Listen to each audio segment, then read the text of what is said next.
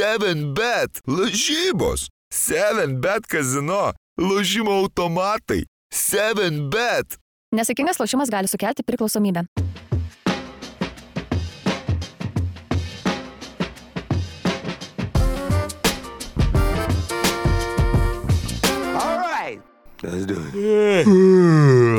Pats geriausias podcastas. Gal taip ir pradedam, ką? jo, galim. Tai man atrodo, kad jau pradėjom. Jo, jau pradėjom. Jau Tai būkite pasveikinti visi. a, Šį toli gražu ne ankstyvą rytą, pusė trijų dienos. Šiuo metu yra Lietuvos laiku paskutinė pagaliau šį 16 mėnesio, mėnesių trukmės mėnesio sausio a, diena. Baisiai ilgas sausis buvo, tau taip nepasirodė? A, nu mes vakar naujienų tarnyboje išnekėjom, kad įvykių buvo šiais metais, ne, ne sporto kontekste, bet ir sporto kontekste iš tiesų pakankamai nemažai, bet vien, nu, iš aktualijų įvykių, tokių, nu, rezonansinių buvo pakankamai daug šį mėnesį. Ten ir tas viršuliškių būtų, ten sprogimas, tada mergaitės, ta visa istorija, nu, tokių riebių įvykių, žinai, Tiksliai, kur, čia kur viskas visiems buvo kaip, viskas sausio- buvo sausio mėnesį ir, ir dar buvo ir daugiau turbūt, kuriuo aš, aš, aš, dabar neatsimenu. Taigi ir Zelenskis buvo apsilankęs e, Lietuvoje sausio mėnesį. Nu, ta prasme, ten e, tada ir e, kolegos sakė, žinai, kur antiek visko daug vyksta, kad atvaro Berots Europos parlamento pirmininkė ar, nu, dabar tiksliai nepasakysiu, kadangi nesu politikos žmogus, bet, nu, žiauriai šiaip svarbi politiškai figūra buvo atvykus ir niekam jau nebeįdomu, nes už vakar buvo Zelenskis, čia tada visi tie kiti dalykai, tai jo, šiaip ilgas mėnesis e, sporto klausimais, tai irgi, nu, ir tas dailus dailiojo čiažimo čempionatas Va, buvo, jo. tada viskas, kas po jo sekė. E, Ambido 70, Nu, Dončičių N- 73. NBA. Aš vien, vien apie Lietuvą Jo, galvoju, jo. kad užtenka, kad... e, Garždų bankrotas. Jo, garždų bankrotas, jo, jo navos, ten tie visi niuansai. Nu, čia Nu, ten kol kas dar taip negali vadinti įvykių. Bus įvykiai, jeigu kažkas, kažkas įvyks. Kemzūragi atleido sausio mėnesį, ne? Jo, jo. Nu, tai va, ir, ir dar trenerių atleido NBA biškiu. Jo, visai matau, kad čia jau esi gražiai nusiteikęs įvesti mus į uh, pirmąjį pokalbio tašką, pirmąją, pirmąją Taip. pokalbio vietą. Taip, i- tai tiesiog šiaip toksai įdomesnis podcastas laukia, nes realiai, kai mes vakar baig, praeitas iki baigiam su tavimi rašinėti, iš karto ir pasipylė tos naujienos apie, apie Griffiną, apie Rozier. mainus, jo, ir e, apie visą tai aš manau, mes tikrai šiandien, ne aš manau, mes tikrai pašnekėsim šiandien, nes e, kažkaip atrodo tai labai svarbu.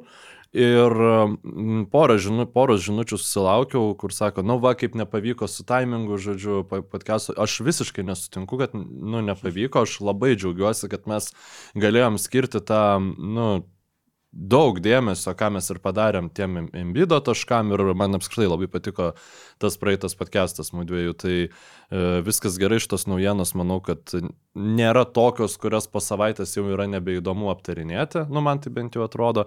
Gal tik tai tas Dončičių 73 taškų pasirodymas negaus tiek e, laurų ir analizės, kiek yra nusipelnęs. Tiek, nes, nes netiek emocijų. Su Embidu buvo tas, kad grinai naktį prieš mus Taip, kalbant taip, buvo, taip. "Pf, wow, kas čia įvyko, kas čia nutiko. Dabar taip, jau prabėgo keletas dienų ir turbūt vis viena, kad ir reikėtų gal pradėti pokalbį nuo to, kas, sakykime, turi, nu, Terry Rožė mainai galbūt irgi turi ilgalaikės, ilgalaikiškesnės įtakos, bet ilgalaikiškiausios įtakos NBA e, titulo lenktynėse veikiausiai visgi turi Milwaukee Bucks sprendimas. Šnekėjom su tavim vat, e, sezono faktiškai pusę, kad kas bus tas pirmas atleistas treneris, kaip nesimato, vat, kas, kad būtų toks akivaizdus kandidatas, kas bus pirmas atleistas treneris ir bats pirmo atleistų trenerių tampa pirmametis, naujas, šviežiai paskirtas treneris, sužaidęs tik, ke, nu, sužaidęs, suvadovavęs tik 43 rungtynės Milvokėje ir užbaigęs kaip, dabar kad nesumaluočiau, trečias ar ketvirtas pagal pergalių pralaimėjimų procentą. Ketvirtas, taip. Visų laikų geriausias kol kas vyriausias treneris. Nu, žinoma, čia ironiškas skaičius, bet a, tiesiog tai pabrėžia, kaip jam neblogai žvelgiant vien tik į komandos rezultatus sekėsi, bet faktas, kad tie rezultatai tikrai nepasako visos istorijos. Um, kad dar apie tą pergalių pralaimėjimo procentą, tiesiog tai yra trečias uh, su geriausiu pergalių procentu a- atleistas treneris uh, sezono metu, kuris buvo atleistas. Tai pirmas buvo Davidas Blatas, kur buvo Čia antras, man 70. atrodo. Ai, tu pagal procentus. taip. Pagal procentą, Mhm. tai pagal chronologiją. 73 procentai, tada buvo 79-80 Paul- Jackas Makini. Jo, Jack McKinney. Ir vietoj jo Polas Westfalas, žodžiu, perėmė pozicijas, bet ten buvo tik 10-4, tai realiai Davidas Blatas 30-11 ir Adrianas Griffinas 30-13. Nu, to- tokie tikrai e, labai, kaip čia pasakyti, nemažai sezono nutempę treneriai, kurie tiesiog buvo atleisti, e, nes nepatiko pirmiausia komandos žvaigždėms. Nu, čia taip supaprastinti viską, nežinau, ar tiksliai galima. Nu, aš A, gal prie Blato situacijos bet- labiau Jo, pritampiau, bla, bet- Blato situacija jo buvo akivaizdi. Beje, įdomus faktas, kad kai atleido ir, a, tu sakai, paskyrė, po, po, kai paskyrė Paulą Westfalą Lakeriai ir kai paskyrė Tyroną Luke Clevelandas. Tie būdų treneriai, a, kurie turėjo geresnį pergalių pralaimėjimų a, Mhm. procentą negu Adrianas Griffinas, juos atleidus komandos tais pačiais metais tapo čempionėm. Jo, jo. Tai jo. irgi labai labai įdomi detalė, tai vadinasi, nu, kad kiek tu turi būti užtikrintas savo sudėties potencialu, kad tu vat, su tokiu geru pergalių procentu vis tiek nebūtum patenkintas tuo, kas vyksta. A, Taip, ir dar tik noriu pasakyti, kad tiek Lū, tiek Polas Westfalas buvo debutantai NBA trenerio rolėje. Dokas Riversas yra visiška to priešingybė. Tai čia nuo- apie Riversą pašnekėsim dar paskui, bet tiesiog nenorėjau, kad pabėgtų šitą mintis. A, jo, tai a, kodėl, iš esmės, kodėl, kodėl, tie, kodėl tą sprendimą priėmė Milwaukee Bucks? A, Kad nepamirščiau, turbūt dar reikia prieš tai papasakoti minimaliai tą istoriją, kad Jonas Horstas, jų, jų vadovas, kažkada prieš daug metų, a, žodžiu, įsigijo šunį, neatsimenu tiksliai, ar pasėmė iš prieglaudos, ar tiesiog įsigijo kažkokį šunį.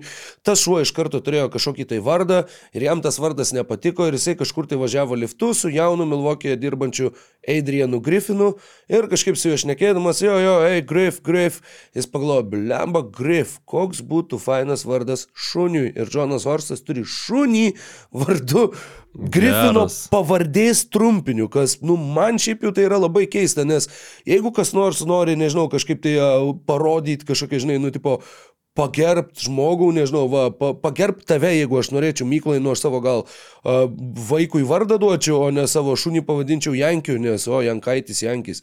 Nu kažkaip, nu bet, nu čia... čia... Šiaip labai gal nuo situacijos priklauso. Aš- Jeigu tu duotum, ta prasme, tai aš tikrai nepriimčiau to kaip įžeidimo. Jeigu koks nors menkai pažįstamas žmogus, su kuriuo gal aš turiu kažkokių e, neišspręstų klausimų galios e, santykių ir taip, ir taip toliau, tai tada aš gal ir galėčiau traktuoti tai kaip pažeminimą, žinai, bet, e, na, tiesiog e, man šita istorija daugiau įdomi negu kažką pasakanti yra. Gal, jo, tai jo, gal- nu bet vad sakau, tiesiog labai įdomi detalė, perskaičiau, labai užkibau, tai norėjau pasidalinti. Uh, grįžtant prie to, kodėlgi buvo atleistas uh, Adrianas Griffinas. Apskritai, pagrindinė priežastis, kuri yra įvardinama dabar visų, yra, kad, nu, va, Bucks labai prastai gynėsi. Ir jie tikrai prastai gynėsi šiame NBA sezone, kai mes esam pratę prie uh, Maiko Budenholzerio, kai jie kiekvienais metais buvo top 14 pagal gynybą, buvo porą metų top 5, vienus metus top 10. Uh, tai čia tas toks, žinai, pats elementariausias skaitinis paaiškinimas, kad va, jų gynybos reitingas a, šiais metais visoje lygoje, nu, bent jau šiuo metu yra e, tik tai dabar jau 19, tad jis a, pakilo čia per tas keletą rungtynių, a, per kelias kelias rungtynės, e, bet jo, kokių buvo, sakykime, kuo, kuo tai pasireikždavo. Labai dažnai Milvokio Bucks žaidėjai tiesiog aikštėje, nu jie nesikaudydavo, kas ką turi mhm. daryti. Jie nežinodavo, jie vi- vienas bando e, gintis viena gynybos sistema, kitas bando gintis kita. Jie vos nekliūva vienas už kito, tiek poliame, tiek gynyboje. Yra neblogas e, B-ball breakdown e, video, kaip tik šį rytį žiūrėjau prie pusryčių, kur, nu, labai gražiai surinkęs tas analitikas kadrus, kur akivaizdu tiesiog labai daug buvo su Bruku Lopezu, kur, žinai, kur ten Brukui Lopezui girdisi kaip šaukia nuo atsarginių žaidėjų solo, kad dvigubink, dvigubink, pažiūrėjau, jis eina dvigubinti ir tada dvigubina ir jo žmogus lieka laisvas ir deda iš viršaus ir jis, žinai, iš kūno kalbos matosi tos reakcijos, kad, nu, Nu, bullshit. Ko- Kodėl mes bandom taip gintis, jeigu čia, čia nesąmonė, žinai. Ir kur taip vieną, antrą, trečią, ketvirtą epizodą ir kur galiausiai jisai jau pradeda tiesiog rodyti tam trenerių štabui, kad, nu, va, va kas daros, kai jūs bandot čia išradinėti kažkokį dviratį, kuris, kuris turi šešis ratus ir kaip, kaip visą tai turi veikti, žinai. Uh, tai jo, iš esmės, nu, būtent tas uh, ir apskritai gynyba. Dar vienas dalykas yra jų gynyba nuo tranzicijos, gynyba nuo greito varžovų pulimo. Yra trys blogiausios ryškiai komandos visoje lygoje tuo atžvilgiu, tai yra Wizards, Hornets ir Milwaukee Bucks, kad, nu, irgi lygiai taip pat žmonės tiesiog ne, nesigaudo, ar jie eina kovo dėl kamuolių, ar jie ką daro.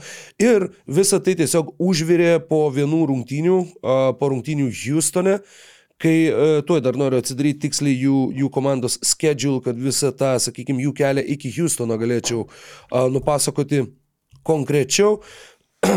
Kadangi jie patyrė uh, pralaimėjimus, tuoj pat aš tau pasakysiu, sausio tenai kažkur tai pradžioje, va, Houstonas, taip. Jie susitiko su Indiana ir jiems tai buvo, nu, va, nu, po to pralaimėto va, in-season tournament Las Vegase, žodžiu, mes ateinam kerčyti ir jie gavo. Ir tada jie žaidė antrą kartą su jais, jie žaidė sausio 1 ir sausio 3 ir jie vėl gavo. Ir jie tose rungtynėse pirmose praleido 102, antrose 100 kem 2 taškus. 100 kem 2 taškus praleist. Taip, tu turi Damieną Lillardą, kuris nėra gynybos specialistas, faktas, kad atlikus tuos mainus, nebeturint True Holiday, tavo gynyba kažkiek kenties, bet ne iki 100 kem 2 taškų. A, tuomet jie vargais negalais išbesdėjo pergalę prieš San Antonijų, to, tose rungtynėse, kurios turėjo labai daug highlightų, kur ir Janis, ir Vėl Vembanjamą, ten visokius tokius tuos, net nežinau kaip pasakyti, žmogaus fizinių galimybių limitus plėtė ten kas antrų savo judesių, kas antroji savo atakoj. Ir tada jie žaidė su Houstonu ir jie Houstone gavo 108-112.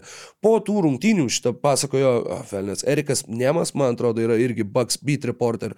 Jisai ten buvo ir, kad žodžiu, rūbiniai po rungtynių. Janis Antetokumpo, tas reporteris dar pabrėžė laiką 7,5 minutės. Iš esmės tiesiog tiesiog rentino. Tiesiog, nu, vat, pylė visą, kad tai pala, nu, tai kas yra, tai kaip mes, tai ką mes darom.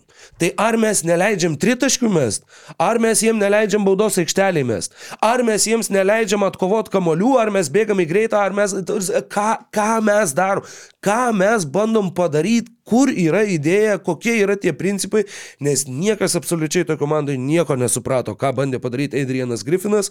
Panašu, kad jis pats buvo labai uh, protektyvus iš tos pusės, kad jeigu kažkas kažką kvestionuoja, jisai sakydavo, galvos neužsičiaupk, aš geriau žinau, ko, nu, pirmamečiui treneriui dirbant su NBA superžvaigždėm tikrai negalima daryti.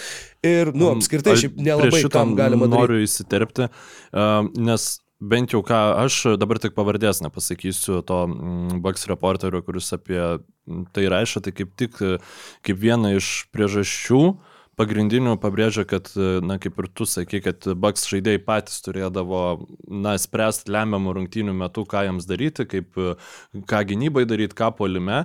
Ir kad Griffinas kaip tik, na, sakykime, aš negaliu sakyti, kad jis nebuvo ten protektyvus, kai jį kvestionuodavo ar, ar, ar, ar, ar panašiai. Bet Griffinas, kai jisai kaip tik labai įsiklausydavo tų žaidėjų ir daug trenerių tai daro, bet čia jau buvo, nu, per nelik daug, nes per daug tos atsakomybės nukrisdavo galiausiai būtent žaidėjams.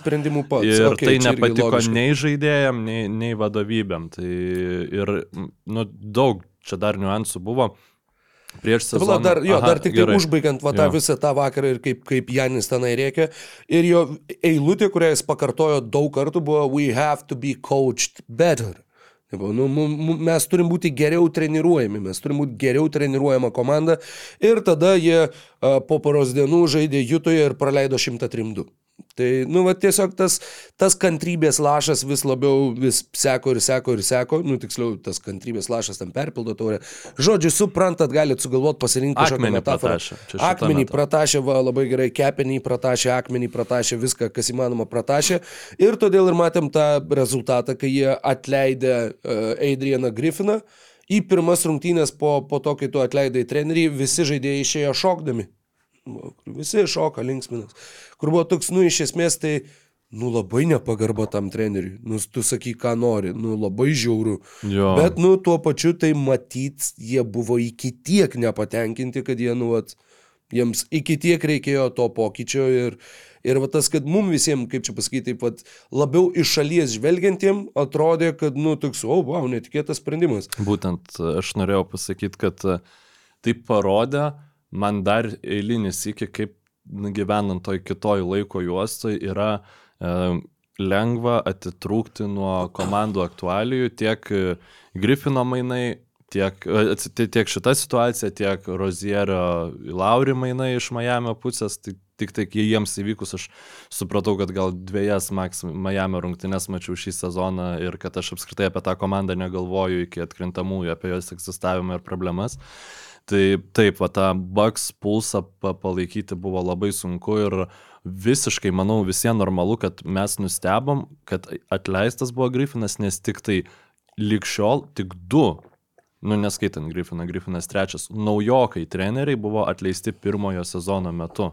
O, wow. Tai buvo mūsų jau minėtas Jackas McKinney 80-aisiais ir še- 58-aisiais Andy Phillipas St. Louis'o Hawks treniravęs. Ir... Ir, Andy Filipas. ir jisai pratreniravo 10 rungtynių, Jackas McKinney 14. Ten McKinney situacija tai iš viso, ta prasme, Ten e, priminsiu, jau šnekėjom apie tai kažkada seniau, bet e, žmogus e, išvažiavo prieš sezoną pasivažinėti dviračiu ir, nu, jis visada važinėdavo dviračiu ir tiesiog patyrė avariją, kažkas ten sustabdžiais buvo ir trenkėsi galvą ir jis gulėjo komui ten labai ilgą laiką ir ten mokėsi ryštis batrišius iš naujo ir visa kita. Per tą laiką Polas Westfalas perėmė tiesiog Lakersus ir, na, nežinau, va čia jau da, čia faktai baigėsi, tada interpretacijos prasideda. Teoriškai buvo viskas paruošta, kad Makinis grįžtų, bet pro problema buvo ta, kad jisai nenorėjo, kad Petas Railė, tuometinis Westfalo asistentas, kuris buvo iš komentatorių ištrauktas, kad jisai liktų, liktų štabe. Tai čia, nu, tokia, nu, serialo verta istorija, kuri ir buvo seriale parodyta. E, Griffino tiesiog yra grina nekompetencija apie e, gerbiamą Andy Filipą, nu atsiprašau, nepasidomėjau, neturėjau ko Jo, paklausti. Nu, tai čia, čia vi, vi, visiškai suprantama, visiškai suprantama. Tai va, aš dar apie, mm, apie tai, kaip buvo galima anksčiau pamatyti, nuspėti šitas situacijas, tai mesgi su tavim, net, man atrodo, aš nekėjom, Teris Tocas buvo Aha, Aha, taip. atėjęs kaip asistentas ir dar prieš sezono pradžią jisai tiesiog paliko ir mes pagalvom, ai, nu gal čia nu, tiesiog net nekreipiam labai daug dėmesio. Jo, buvo nu, toks, nu, vyresnio amžiaus treneris, nu, tipo, jo, tai- Gal oras Milvokėje nepatiko, nors kita vertus Portlandė Portlande, pratreneriavęs, jo, nu čia, pra, pra, nu, nesigilini žodžiu, per nelik, dėl ko asistentas iš tipo Milvokio išeina. Ypač Milvokį, supranti, jeigu tai būtų Lakersai, jeigu tai būtų Čikagos, nu tokios disfunkcinės organizacijos. Milvokis jisai kažkaip važiuoja ir važiuoja, žinai, ten, nu tiesiog ką Budenholzeris kokią įtaką padarė. Teris Tocas komandą paliko prieš prasidedant sezonui, dėl to ir čia jau tas tavo minėtas protektyvumas e, atsiranda, nes po treniruotės, ne po rungtynių ten ar po kažko, jis tiesiog norėjo labai tokį kaip briefingą padaryti e, Lillardui ir Janiui. Čia nėra oficialu, čia mm, situaciją matė reporteriai, išneka, kad tai buvo paskutinis in- incidentas, po kurio, po kurio Stocas paskelbė savo atsistatydinimą. O Adrianas Griffinas po treniruotės turėjo tą tokį bendrą huddle, hurdle padaręs, nu, kur tiesiog sueina į krūvą ten žaidėjai ir treneriai ir pasišneka Huddle, huddle. Jo, tai nu, čia labai svarbu, žodžiu, yra NBA kultūroje šitas dalykas. Ir jis po to norėjo dar su treneriais atskirą padaryti. O Stocas norėjo tą vad briefingą pravaryti Lillardui ir Janiui. Ir, nu, kaip suprantu, kas jau buvo po to, kai jie tarpusavį išnekėjo, aš nežinau, nu, bet kad dėl to kilo šioks toks nesutarimas ir turbūt Stocas pamatė, kad ne, su, nu, su tokiu žmogumu aš negaliu dirbti ir, ir jo, ir čia jau... Na, bet jeigu kažkokia va, ženklas. atrodytų, nu, vat, vis tiek, nu, kasdieniai situacijai, nu, nu, tipo, tai, nu, vis tiek, ka, kaip tai turėjo būti pasakyta, kai, ta prasme, kaip jo, tai jo. turėjo vykti taip, kad tu sakytum, kad, pala, aš noriu pakalbėti su, su Lillardu ir Janiu, tu sako, ne, ne, ateik dabar treneriai pasitarsim ir tu, aš einu lokš čia, aš čia nedirbu. Tai, ta prasme, ka, kažkur turėjo būti kažkoks emocinis intensyvumas labai didelis, kažkas turėjo būti tokio pasakyta, kad tu, nu, Nu, kad pa, viskas pakiltų iki, iki tokių, taip sakant, statymo sumų. Nesinori spekuliuoti, bet nu, labai daug žmonių sa, save naujiems išbandymams e, ruošia labai sk- skirtingais metodais. Ir vienas iš, iš e, būdų, kuriuos man yra tekę matyti, nu šiaip gyvenime, žinai, kai ateina kažkoks naujas vadovas, pavyzdžiui, iš išorės, kuris galbūt yra labai fainas žmogus, bet nu, nėra daręs konkrečiai uh, to darbo, kurį dabar darys. Arba... E, Aš, aš dabar vis dar mes žiūrim The Office, jau nuėjom iki paskutinio sezono, tai aš žinau apie ką tu. Atrodo, kad taip, taip, taip, žinau. Mm, Taip, matęs ir, ir situacijų. vienas iš tų momentų, e, būdų yra, kur žmonės labai, nu, gal kažkokių knygų prisiskaita, gal kažkokių patarimų, nu, kad e, labai svarbu yra įtvirtinti kokį nors sunzu karo, me, e, karo meną ar, ar kažkas tokio, kad labai svarbu yra įtvirtinti savo autoritetą, tu turi ir tada tu gali prisigalvoti dar, žinai, visokių dalykų, kad va čia yra Teristocas, asistentas jau praktiškai paruoštas perimti mane, kaip, mhm. kai mane atleis, žinai, kaip vyriausiai treneri. Ir tada va jam bet koks to toksai dalykas, kur, nežinau, tam Jis- pačiam a, dokui, Jis, jis čia dokui bando pasiginčyti su manim kažką, nu, tai Taip, aš, taip, aš tai, jam parodysiu. Nu, m- labai sunku yra sakyti, kad būtent taip ir buvo, bet, Bet šiaip tai- labai tai daug ženklų nu, labai kažkaip logiškai, formuojasi į, į, į tokią va situaciją, žinai. Ir, nežinau, nu, neišvengia šitą e, Griffinas. Su, su, Aha. su, sukeldamas konfliktą su Teristosu, nes Dokas Riversas pasirodo Milvokė ir man buvo mėnesį. visiška naujiena, jis buvo pasamdytas kaip, jo, ir dabar lyg ir atsimenu kažkokią tai nu, notification, kur buvo jis buvo pasamdytas, vis dar bedirbdamas į SPN, buvo pasamdytas kaip uh, Konsultantas. konsultantas. Tai čia, nu, irgi Tai irgi ši- visiška ši- kaltė, kad praleidom šitą dalyką. Šitą dar minėjo kažkas, neatsimenu tik tai tiksliai kas, bet e, šiaip jau to visoji trenerių bendruomeniai, nu, tipo, tai Dokas Riversas, nu, truputėlį turėtų pra, potencialiai prarast pagarbos netgi, nes, nu, tu ateini kaip konsultantas ir tu už mėnesio jau užimi bičio vietą, nu, tai yra toks, nu, kad yra ten tie visi nerašyti kodeksai ir taip toliau, ir kad, nu, čia jau taip labai akivaizdžiai viskas atrodė, bet e, vienaip ar kitaip, nu, galbūt tiesiog jie žinojo, kad nori atleisti Griffiną ir, ir e, per toli neieškojo, va, buvo Dokas Riversas, tu būtent nenorėjai nepatyrusio žmogaus, tu norėjai patyrusio Jo, dabar trenerio. nuo, nuo vieno kraštutinumo prie Mhm. kito. Tai ką, NBA čempionas 2008 ir vis dar visi apie tai šneka, taip lyg tai būtų buvę vakar. Bet e, Dokas Riversas yra 11 daugiausiai pergalių NBA reguliariajame sezone iškovojęs treneris lygos istorijoje ir ketvirtas daugiausiai atkrintamųjų varžybų rungtynių laimėjęs treneris. Lygos istorijoje ketvirtas. Nu, Po Popovičiaus, Philo Jacksono ir Peto Railį ketvirtas yra štai šis žmogus. Taip, tai yra tarp 15 geriausių trenerių išrinktas um, Doka.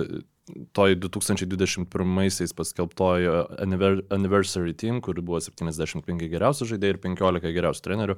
Tai tarp jų buvo Dokas Riversas, iš aktyvių trenerių uh, buvo tik tai Keras Popovičius ir Erikas Paustra. Taip pat, gal, dėl ko kalbu apie aktyvius trenerius, Dokas Riversas treniruos 25 sezoną iš eilės. Jisai buvo vat, kelias tokias pertraukėlės pasidaręs nepilno sezono po medžiukų, jis Orlando medžiukus treniravo Taip.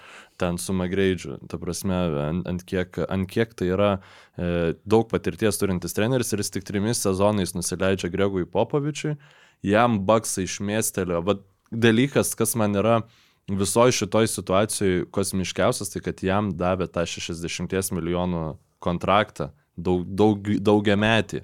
Tai Baksai vienu metu mokės ir Budenholzeriui, ir Griffinui, Jo. ir Dokui Riversui. Tai viena vertus, na, pagarba savininkas, nu, ten ne vienas savininkas, ten jie rotuojasi, nu, bet, e, žodžiu, pagarba Milvokio klubui, kad e, vertina turimą talentą ir netaupo bent jau šitoj vietoj. Antra vertus, jo, Dokas Riversas pakeičia Griffiną, dabar, kai žinom visą šitą kontekstą, atrodo logiška, bet Dokas Riversas pakeičia Maiką Budenholzerį, jeigu žiūrint iš šitos perspektyvos, nu, atrodo labai labai keista. Būtent tas toks dviem žingsniais, jeigu išbrauksi tą tarpinį žingsnį, tai atrodo, jeigu jie būtų tiesiog, va, paskelbė mes atleidžiam Budenholzerį ir tada vasarą būtų pasakę, mes imam Doką Riversą, nu mes visiškai kitaip reaguotumėm, negu kad reaguojam dabar, kai atrodo, kad, o, va, vietoj Griffin, nu, Riversas, nu jo, žinai, nu, va, jis ten kažkokių tų visokių ten disciplinos taisyklių, dar kažko tai neva, neva, va, paims ir atsiprašau, labai daug įves. 40, ne šeš, 40 milijonų e, bend, bendra kontrakto vertė, nu, nes tikrai paskui pa- pamiršiu, tai tiesiog Jo, jo. 20 milijonų suklydau. Beje, sakyk, kiek daug metų jisai dirba, jis apskritai, a, 2-6-7 jie iškovojo 24 pergalės su Bosnu, 2-7-8 jie tapo čempionais, iškovojo šiam 6. nuo 27 metų jis dirbo kasmet, jis niekada neturėjo losing season. Jo komandos visada laimėjo rungtynių daugiau negu pralošė reguliariuose sezonuose. Įspūdingas visai irgi skaičius, taip pat nusakantis, nu, vat, kiek, kiek jis patirties turi. Žinoma, yra tas uh, 3-1 pralaimėtų, nu, pralaimėtų serijų iš pozicijos 3-1 rekordas, kuris tikrai, uh, taip sakant, prestižo nepriduoda.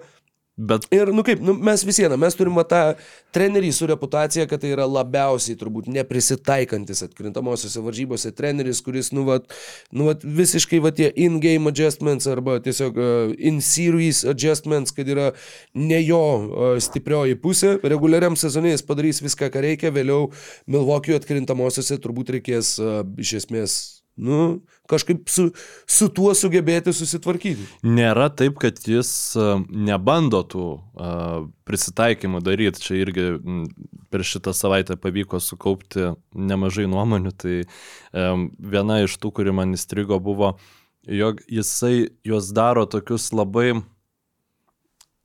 Nu, jeigu pokerio terminai išnekant, nu, ta prasme, all in. Nu, gerai, jeigu mums nesigauna su ten MBD gintis, tai mes tada iš vis tik mažų penketų. Nu, arba iš vis nesiginsim. Ten su Clippersais irgi buvo niuansų. Tai prasme, kad n- na, tu tokių pat, kažką truputį pareguliuot, žinai, ir taip pa- pakeisti serijos eigą, nu, jam tikrai nesigauna.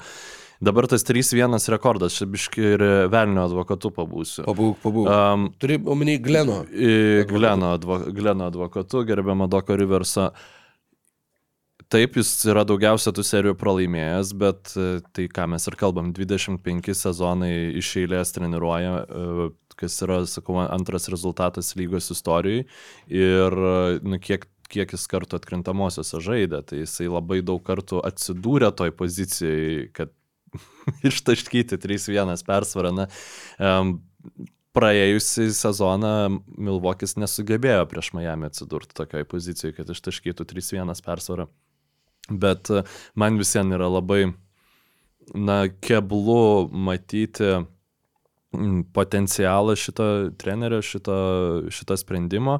Paskui galėsim gal paspekuliuoti, kokios alternatyvos buvo, bet e, tuo pačiu, nu, reikia pasakyti, kad vis dėlto talento šitoj komandai yra, jinai, jeigu grinai žiūrinti sudėti, jinai tikrai gali laimėti čempionų žiedus šiemet. Drąsiai. Ne, nekyla klausimų man į serijoje prieš Celtics, ta prasme, ir Celtics gali prieš juos laimėti, bet ir, ir to, to, prieš, prieš, tą patį, prieš to, tą patį Denverį tikrai, tikrai gali. Ir galbūt tikrai užtenka tiesiog trenerio, kurį gerbtų, nes tu sakei, kad e, gali būti nemalonio užtraukti trenerių dėl to, kad jis čia atėjo tą konsultanto poziciją, perėmė paskui. Tikrai nemanau. Viskas, ką rodo pat, na, tiesiog, ką rodo pastarieji 25 metai, kad Dokas Riversas NBA pasaulyje yra myliom, kilometrais e, jūrmiliam labiau gerbiamas negu vat tokių žmonių kaip mūdu, žinai, kur, kur tai tiesiog be jo, jokio kontakto neturi, jis turi tūkstantinę pagarbą iš e, NBA bendruomenės ir turbūt e, tie patys Janis su, su Lillardu, na, jeigu jis buvo konsultantas, jis turbūt kažkiek figuravo ir, ir nu, kontaktų su žaidėjais turėjo, aš nežinau, neradau apie tai būtent informacijos, bet jie davė tą linktelėjimą, ko gero, kad Riversą mes Ne, norime. tai be abejo, žinai, ta prasme, vis, tiek, vis tiek su žaidėjais buvo tariamasi, čia klausimų nėra. Tai nėra, žinai, ten Janis pats yra sakęs, kad jis nenori samdyti tų vyriausių trenerių. Nu, bet Bet, būtų, mm, kad aš noriu to ar to. Ne, nu, bet tai vis tiek tai yra, tai nėra, kad tu vad sėdi ir aiškini, kad aš noriu šito ar to, bet nu, vis tiek su, į tav, su tavim yra diskutuojama, į tavo Tai nuomonę yra atsižvelgiama. Taip, Ir, taip. nu, nu, tai yra galbūt ne tai, kad tu va sakai, kurio tu nori, bet tiesiog jeigu jau komanda žino, ko nori, organizacija, tai vis tiek pasibelsi į tavo duris ir paklaus, ar, ar viskas gerai, ar tau tinka, nes tu esi Janis ant to kumpo, tarsi šitas klubas yra apie tave, realiai, nu, va, tu esi franšizė. Uh, Janio atveju jis konkrečiai pasakė, kad jis Niko Narso nenori vasarą. Tai Mhm. čia šitas yra pakankamai įtvirtinta, aišku, pats, pats to nu, nėra nei patvirtinęs, nei paneigęs, bet e, būtent dėl to viet, Milvokis ne, ne, nesivaikė Niko Narso, o ieškojo tada kažkokių alternatyvų. Tai, tai, vat, Tai belieka, kad Raptors atleistų Rajakovičių, pasiskirtų Griffiną. Jis pas juos ir dirbo asistentų mhm. ilgus jo, metus. jo. Nu tai va, ir būtų e, trijų komandų mainai vyriausiais treneriais. Narsas į Filadelfiją, Riversas į Milwaukee, Griffinas į Torontą. Ir čink, čink, čink. Iš tų trijų trenerių, kurie pirmą sezoną buvo atleisti, tai Davidas Blatas nebetreniravo. E, šitas, e, nu, dabar dievė, e, užkrito tam pavardė. aštuntais iš Senlujo? jo, jisai, jisai nežinau, bet e, Jackas Makini irgi paskui labai sun, taip ir neįsitvirtino N- NBA kaip vyriausias treneris. Tai įdomu, ar e, kaip bus Adrianui Griffinui, ar jisai gaus dar šansų. Reikia tikėtis, ką žinau, žinai. O Riversas beje nuo, nuo pat tada, kai iškovojo NBA čempiono žiedus, dar kartą 7-8 metai, vieną kartą, 17-18 Clippers užbaigė sezoną Kem 2 Kem ir jisai nežaidė atkrintamosiose. Tai vienas vienintelis kartas nuo 2-8 metų, kai Riverso nebuvo playoffuose. Ir čia buvo tie metai, kur niekam, niekam nerūpėjo, kad Clippersai būtų atkrintamosiose. Nu, ten buvo Jo. ta tokia... Lou e, Williams, Lou Williamsų jo, jo, keista irgi. komanda, taip. Uh, vienas man visai patikęs irgi uh, kažkur tai užmačiau, kad, nu, mūsų laukia, ta prasme, teoriškai, tik tai teoriškai. Žinai, nu tai netgi nėra taip neįmanoma, kaip atrodo ir kuo aš daugiau apie tai galvoju, tuo labiau yra toks, kad plemba. Nu, ta prasme, įsivaizduok, vat, sezoną, kurio metu Dokas Riversas vat, nusimestų visus, visas bežionės nuo pečių, visus demonus iš galvos, visus va, tos vaiduoklius, kurie, kurie jį kamuoja. Kaip atrodytų jo žygis atkrintamosiose? Įsivaizduok, pirmame etape Milwaukee susitinka su Orlando Magic, antrame etape Milwaukee susitinka su Filadelfija, trečiame etape arba konferencijos finale Milwaukee susitinka su Bostonu ir finale su Clippersais. Ir, Ir, tai yra, jis nėra dirbęs vyriausių trenerių jokiam kitam klube, išskyrus išvardintas šitas komandas. Nu, turbūt sudėtingiausia, manau, vis dėlto Magicų yra e, scenarijus, bet e, serija Milwaukee ir Sixers yra faktiškai privaloma atkrintamosiose. Man nesvarbu, kas jas treniruos, bet e, tikrai labai norisi ir dabar dar labiau norisi. Prieš Celtics būtų irgi labai įdomu. Tiesa, aš žinok, jeigu nuoširdžiai, aš visiškai neatsimenu, kaip jisai paliko Bostoną. Ko, koks tai buvo santykis, ar tai buvo maždaug, aha, gerai, dabar. ir- Ne, ten buvo kažkaip, kad jie eina į rebuildą. išmainė, ir- jie, palauk, ar ne jie. Ar Clippersai neatidavė Bostonui dar ir šaukimą už tai, kad Riversas atvyktų treniruoti Clipperių? Gali būti, nes ten buvo tiesiog jau... Nes Bostono jau, jo, jisai nenorėjo rebuildinti su Bostonu, Clipperiai kaip tik va tuo metu, palauk, uh, Rivers, oi. Jo, ir ten Danny Ainges ta prasme, bet be kažkokių tai mm, negražių emocijų buvo išsiskirta. Jo, jis buvo išmainytas. 2013 metais buvo atlikti mainai tarp Bostono Celtics ir Los Angeles Clippers. Ir jie atidavė, palauk, e, taip pat ieško, ką atidavė, man atrodo, kad kažkokį šaukimą ar pirmo rato gal netgi. Uh, na dabar, kol ieškau, tai žinai, čia visiems laukti nėra ko, bet... Nu, buvo išmainytas, žodžiu, tai... tai tiek. Jo, buvo išmainytas, tai ta prasme, jo, jo, jokio pykčio nebuvo. Kaip ir norėjo, atsimenu ten, Angels, kad jis liktų, bet e, kai suprato, kad nepavyks to padaryti, tai tada jį išmainė į Los Angeles Clippers. Fantastika. Ir šiaip dabar kalbant apie tai, ką Milvokis galėtų pakeisti, kas galėtų pasikeisti tam jų žaidime, tai dar tik noriu priminti, kad Griffino atleidimo metu jie buvo antra geriausia pagal pergalių pralaimėjimų santykių komanda lygoje, tačiau 11 pagal tą net reitingą ir buvo dugne visiškam pagal gynybą, ten e, 11 nuo galo berots, aš dabar neatsimenu tiksliai, pra- praeitoj tinklalaidai, kaip tik bu, mes buvom pasiruošę apie Milvokį kalbėti ir laiko sumetimais nešnekėjom apie juos. Tai šiaip gerai, pačia- kad nešnekėjo. Jo, nes, nu, gal būtumėm išpranašavę galiausiai atleidimą Griffinui, žinai, bet e, tada, tada būtų gerai, kad būtumėm šnekėję, bet tikriausiai ne. Ir e, tai jo, tas dalykas, ką tu minėjai ir prieš tai, ta transition defense, gynyba kontratakose, na tiesiog Griffinai, e, Riversui atrodo užtenka pasakyti, nekovokit dėl tų kamolių polime, gy- grįžkit į gynybą ir susitvarkys šitas reikalas ir aš nebejoju, kad jis štai padarys, kad ta e, Milvokis taps vien, vien dėl to geriau besiginančią komandą, bet faktas tas išlieka faktu, kad iki atkrintamųjų, nu, tu negalėsi vertinti nieko, ką Riversas yep. padarė su šitą komandą.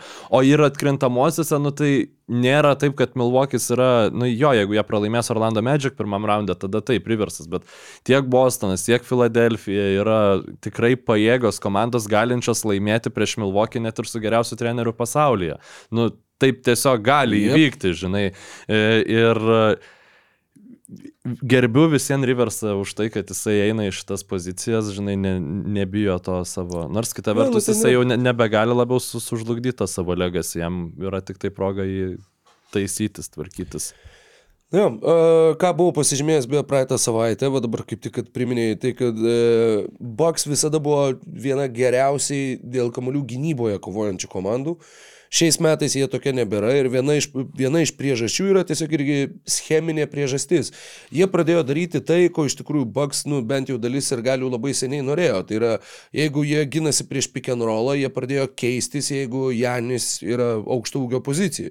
Nes, nu, tu turi Janį, kuris gali keistis. Jeigu tau reikia besikeičiančios gynybos, nu, jis yra tiesiog idealus atletas tam, tu geresnio nesugalvotum. Jis, nu, ir jisai niekada nesikeisdavo prie būtent Holcerio ir, ir visą laiką, nu, ta gynybos sistema buvo kitokia. Bet, kadangi jisai keičiasi ir jisai lieka kažkur ties perimetru, Brukas Lopezas yra tiesiog ta siena, kuri gali tris žmonės atitverti va taip ir tada kažkas turi pasimti kamuolį.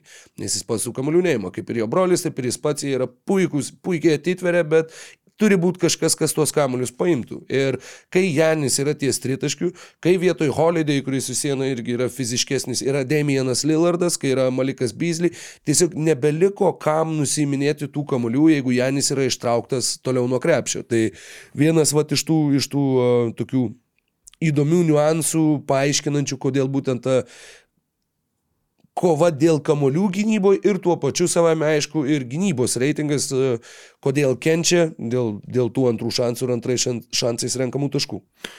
Ir labai įdomu bus e, vat, e, kitą savaitę stebėti, ar kažką pavyks Baksam nuveikti, nes jie yra pasiruošę, taip šnekama, kad Petą Kontoną, Cameroną Peiną ir jie dar turi Portlando 24 metų antro rato šaukimą, kurį gali išmainyti. Ir, Vis šis tas. ir e, ką Fisheris paminė, Dž- Dž- Džekas Fisheris, e, Yahoo e, žurnalistas, tai Aleksą Karuso, PJ Tuckerį ir Matysą Taibulą. Tai na, Matysas Taibulas, man PJ atrodo, Tuckerį vėl. Tai jo, bet PJ Tuckeris aš manau, kad būtų realiausias variantas, nes Aleksą Karuso, nu, man būtų sunku įsivaizduoti, kad kažkas geriau už jį nepasiūlytų Čikagai. Mhm. Matysas Taibulas prie Doko Riverso jau, nu, Dokas Riversas jau pamatė, kad tai yra nežaistinas krepšininkas. Tai aš ne, nežinau, čia būtų na, Jo, lab, labai jo. įdomus antras dublis. Bet tas yra, kad jų tas pozicinis poreikis vienas iš pagrindinių yra e, kraštai, kurie gali gintis. Nu, visų klubų yra tas. Tu, Jo, tas ir tuo pačiu. Milvokijus toks pats yra irgi ketverius metus ir panašiai, metai iš metų vis išsimaino kažką, kas vat, galėtų Džekas bandyti gintis. Crowderis, ten. Jay Crowderis, jo, Jay tai vat Crowderis. Crowderis dabar buvo traumuotas e, daugiau negu du mėnesius, tai vėl nežino, jeigu jisai sugebės grįžti į formą, tai gal čia bus tas jų papildymas, kuris bus, nu, tiesiog atliktas iš vidaus, taip sakant. Bet, jo, visą tą tikrai aptarinėsim ir stebėsim Milvokį vasario 8 dieną, aš negaliu, kaip aš laukiu myklai, bus uber seksy.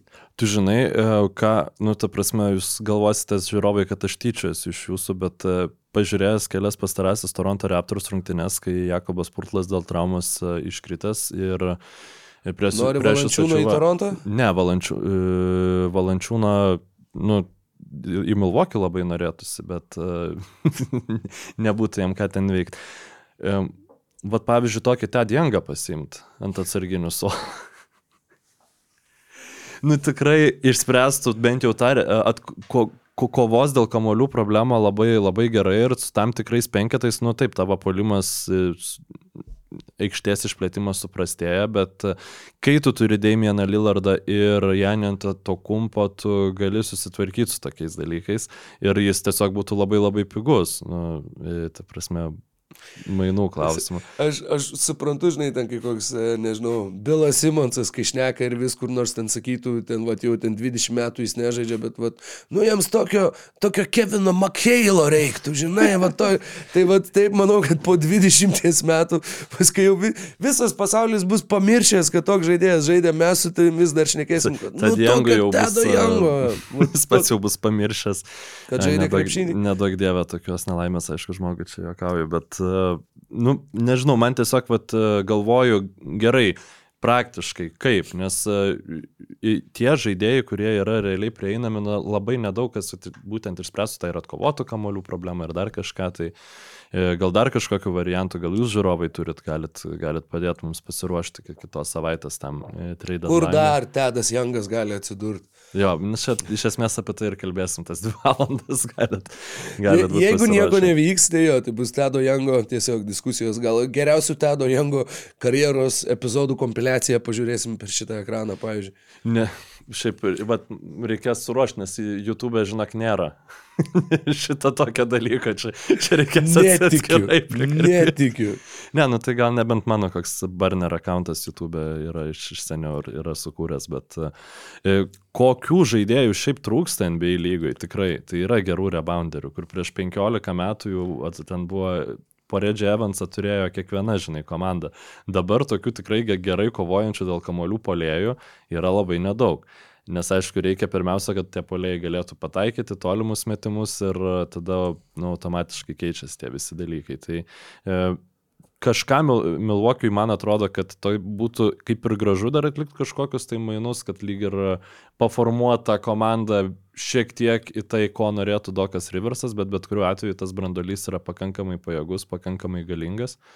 Ir uh, Nu, žiūrėsim, kaip čia seksis Milvokiui, nes reguliariajame sezone yra reikalų. New Yorko Knicks yra tik vieną, vieną pergalę mažiau iškovoję už juos. Tai Knicks irgi... yra iškovoję aštuonias pergalės pailiui dabar. Ir šią naktį jie laimėjo, nu gerai, nu prieš Jutą, nu bet tiesą pasakius, Jutą tai labai gerai žaidžia, pastaruoju metu jie tikrai labai geros formos. Knicksų starto penkete buvo Bransonas, Divincenzo, Joshas Hartas, Prieš jūs ačiūva ir Aizėja Hartensteinas. Ir jie visi Na, mažiausiai žaidė, žaidė Hartensteinas 2-9, visi kiti žaidė bent po 3-8 minutės. Tas Tibodo krepšinis, kur visi drožėmės kiek tik tai įmanoma, bet tarsi nei Anunobi, nei nu, kitų šūsnies žaidėjų.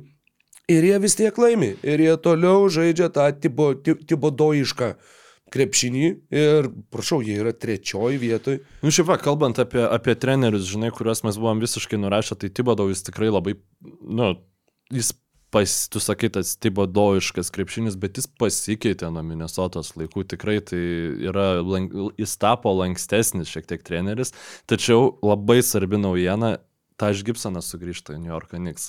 Jeigu jūs sakėte, o jis kažkada ten nežaidė, e, tai jo buvo vat, laikotarpis po Audžė Anunobi mainų, pasirodo, buvo atleistas Taž Gibsonas, kad taip. įkomponuot visus e, kitus e, mainų komponentus, tai mes šitą buvom praleidę kažkaip nesijaučiu labai blogai dėl to, bet Tažas Gibsonas sugrįžo ten, kur jo vieta, labai smagu.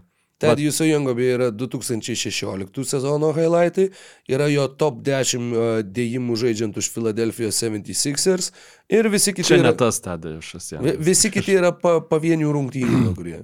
30 taškų, 4 tritaškiai, full highlights, 213 gruodžio 28. Ir taip toliau, ir taip toliau. Nuostabus krepšininkas, gaila, kad šiek tiek per vėlais buvo išmainytas. Aš atsimenu, kažkada galvojau, kad norėčiau padaryti Kelly Oliniko karjeros highlightų video su soundtracku Kelly Family Fell in Love with an Alien. Nes man labai jis tinka prie to galo, nu, jis pats atrodo kaip iš The Kelly Family, jo net vardas Kelly. Ir kad, nu, vat, bet... Aš palinksėjau, bet... Uh, bet ne. ne Esu, atsimenu, kažkada žiūr, žiūrėjęs jo highlightus, tiesiog užmutinęs uh, soundtracką ir pasileidęs tą gabalą, nu, žinok. Tai vad nežinau, koks gabalas turėtų būti prie Tedijusio Jango, bet manau, kad galėsim apie tai pakalbėti po pertraukėlės. 7bet lažybos, 7bet kazino, lošimo automatai, 7bet. Nesėkmingas lošimas gali sukelti priklausomybę. Jo, galim gal grįžti tada į... Gerai, nu, jau nuo, nuo karvučių galim. Galim Mūsų šiandien neremia karvučių saldainiai, kaip matot, ir niekada nerems turbūt. Nieko, nebent su Latvijos ten ar, ar su Rošen saldainių fabriku sudarytų basketinių sutartį. Mažai tikėtina, bet uh, visko gali būti, uh, visokių netikėtų dalykų nutinka, kaip kad pavyzdžiui Šarlotės uh, Hornets ir Miami Heat įvykdyti mainai, kurių metu Šarlotės Hornets išsiuntė Terry Rozier į Miami už Kailą Laurį ir 2027 metų Miamio pirmo rato šaukimą. Nežinau, man atrodo, kad net neapsaugotas tas šaukimas ir ar taip kažkaip ir, ir pasižymėjau, kad reikia išsiaiškinti ir taip ir besiruoždamas ten Griffino Riverso visam peripetėm apsaugotas. Jo, į top 4. Tuoj palauk, aš kol kas matau tik tai Protected atsidarinėjau dabar. e, Gali būti, kad dar i, oficialiai ir nepaskelbta iš tiesų yra ta, ta apsauga, nes kažkaip labai tokia e, paskelbė ir tiek tada visko aplinkui įvyko, kad tie mainai tokie, nu ir, ir liko tiesiog mainais, bet e, kol tu ieškai, aš ką galiu savo įspūdžiais pasidalinti, tai panašiai kaip ir su Griffinu, jeigu tu nesiekiai Miami per nelik, tas tiesiog, kad Kailas Lauri nusimestas buvo, na, labai didelė dalim turint omeny, kad jo um, buvo dar pirmo rato šaukimas prisektas, galėtų nustebinti, bet iš tiesų tai jo yra krepšininkas, kurį amžius labai labai paveikia. Ir um, manau, kad jam labai dėrėtų savo karjerą užbaigti kažkokiais tais būdais to, Toronte.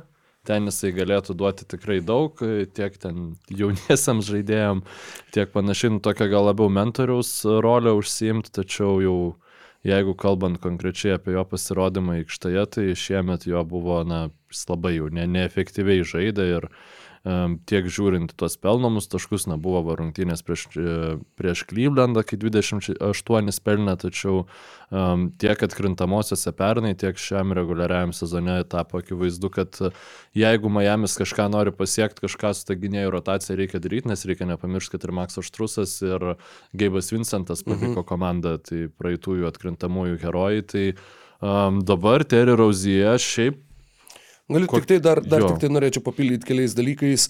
Pirmas dalykas, 227 apsaugotas šaukimas nuo 1 iki 14. iki 14. 28 neapsaugotas, jeigu Miami's turės e, nuo 1 iki 14 šaukimo, tad po gal ketverių metų gal Šarlotė tikrai gaus kažką labai solidaus už, už Terį Rauzier. E, apskritai, Miami'e Laurai praleido tris sezonus, nu, nepilnus tris, šitas buvo trečias. Pirmais metais 13,5 taško 7,5 rezultatyvaus perdavimo ir vėliau 11 ir 5 ir šiais metais 8 ir 4 ir vos 43 procentai žaidimo. Nu, neblogai krito tritaškiai jam palyginus su a, praeitų sezonu, bet be abejo, tai labai labai a, žaidėjas kaip čia pasakyti, iš kurio, nu, jau buvo vargiai be galima kažko tikėtis, kad jis dar kažkaip kels tą savo žaidimo kokybę. Su kiekvienais metais ta regresija akivaizdi, skaičiuojant ir nuo paskutinio sezono Toronte. Taip kad jo, Miami's gavo žaidėją, kuriam vis dar vos 29, kuris žaidė puikų sezoną Šarlotėje, savo geriausią karjeros sezoną. Scary Terry tenai rinko po 23 taškus, pataikydamas 36 procentus tritaškių mesamas po beveik 8, 6,6 rezultatyvaus perdavimo, labai labai užtikrinti skaičiai, bet atvykus į Miami ketverios žaistos rungtynės ir kol kas mažiau negu 12 taškų, tik 38 procentai žaidimo ir... Nu, Keturios nesėkmės dar taip pat visas. Jo, ir Ma. Miami's buvo pralaimėję jau trejas rungtynės iki tol. Jie dabar turi septynių pralaimėjimų seriją aktyvę šiuo metu. Ir, nu, tikrai ta situacija jų yra nepavydėtina. Jie šiuo metu septinti, jie turi po lygiai pergalių ir pralaimėjimų su aštuntoje vietoje esančiu Orlando Magic. Jeigu Orlandas užima septintą vietą, Milokis užima antrą. Just saying, just saying. Visko čia dar gali būti. Uh, ir jo, mainai, kurie, sakykime, apie kuriuos e, gal taip daug nešnekėjom, bet kur apie kažką panašaus buvo galima galvoti, mainai, kurie nenustebino. Šarlotė, e, bent jau Mičas Kapčiakas, Šarlotės klubo vadovas, sako, kad jie tikrai nebaigė atlikinėti mainų. E, Kailas Laurį Šarlotė dar nežaidė ne vienų rungtynių. Jie... Ir man atrodo, kad jau net paskelbta, kad jis ir nežais. Nes aš girdėjau nepasitenkinimą, kad lyga čia su visais, visais tenkinimais kovoja ir taip toliau, kad tu negali savo žvaigždžių sodinti ir panašiai, bet kai komanda va išsimaino Laurį ir tiesiog pasako, kad jisai nežais. Ir, ir tipo viskas ok yra su tuo. Tai čia dar aišku reikia sekti šitą situaciją. Nu jo, tą situaciją sekti reikia, bet žinai, e, Šarlotė kaip ir tikisi, kad vat jie dar Kailą Laurį išmainys už kažką tai uh, naudingo. Aš asmeniškai manau, kad, nu, be šansų. Ne, ne, ne, tai jau vien, ta prasme, jeigu būtų galima užmanyti iš kažką naudingo, Miamis nebūtų jo mainęs. Jo, jis Nu, šiais spėju. metais uždirba 29,7 milijono. Tau sudėlioti kažkokį tai, nu nebent tu nori nusimesti kažkokį ilgalaikį kontraktą ir dėl to jį prisimti kaip pasibaigiantį, jis po, po sezono tampa laisvu agentu, bet manau, kad čia yra koks 80 procentų tikimybė, kad Šarlotė jį tiesiog atleis, išpirks ir jisai tada nueis į kažkurią komandą, nežinau tiksliai kur, bet nueis būtent kaip išpirktas žaidėjas, o ne kaip krepšininkas, už kurį Šarlotė dar gautų kažkokį šaukimą ar kažkokį jauną, jauną talentingą krepšininką.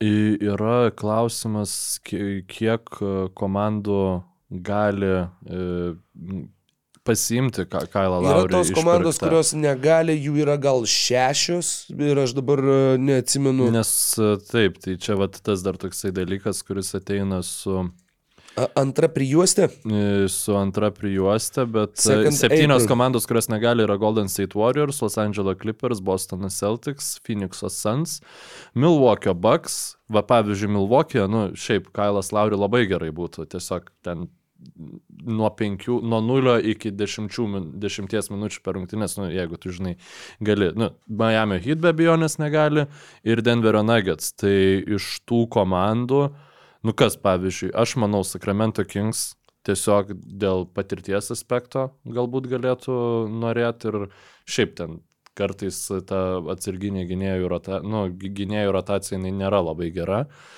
Um, daugiau, nu, De- Delas, ne. Phoenixas negali. Jo, tai Filadelfija realiai. Ir Laurijai pats yra iš Filadelfijos, nors mes įsijėm su Torontu kaip The Growth, The Greatest rapper, Raptor of all time, ne rapper, Raptor. Nu, aš su tai nesiginčičiau. Žinoma, žinoma, Laurijai. Mm, just spit in straight fire.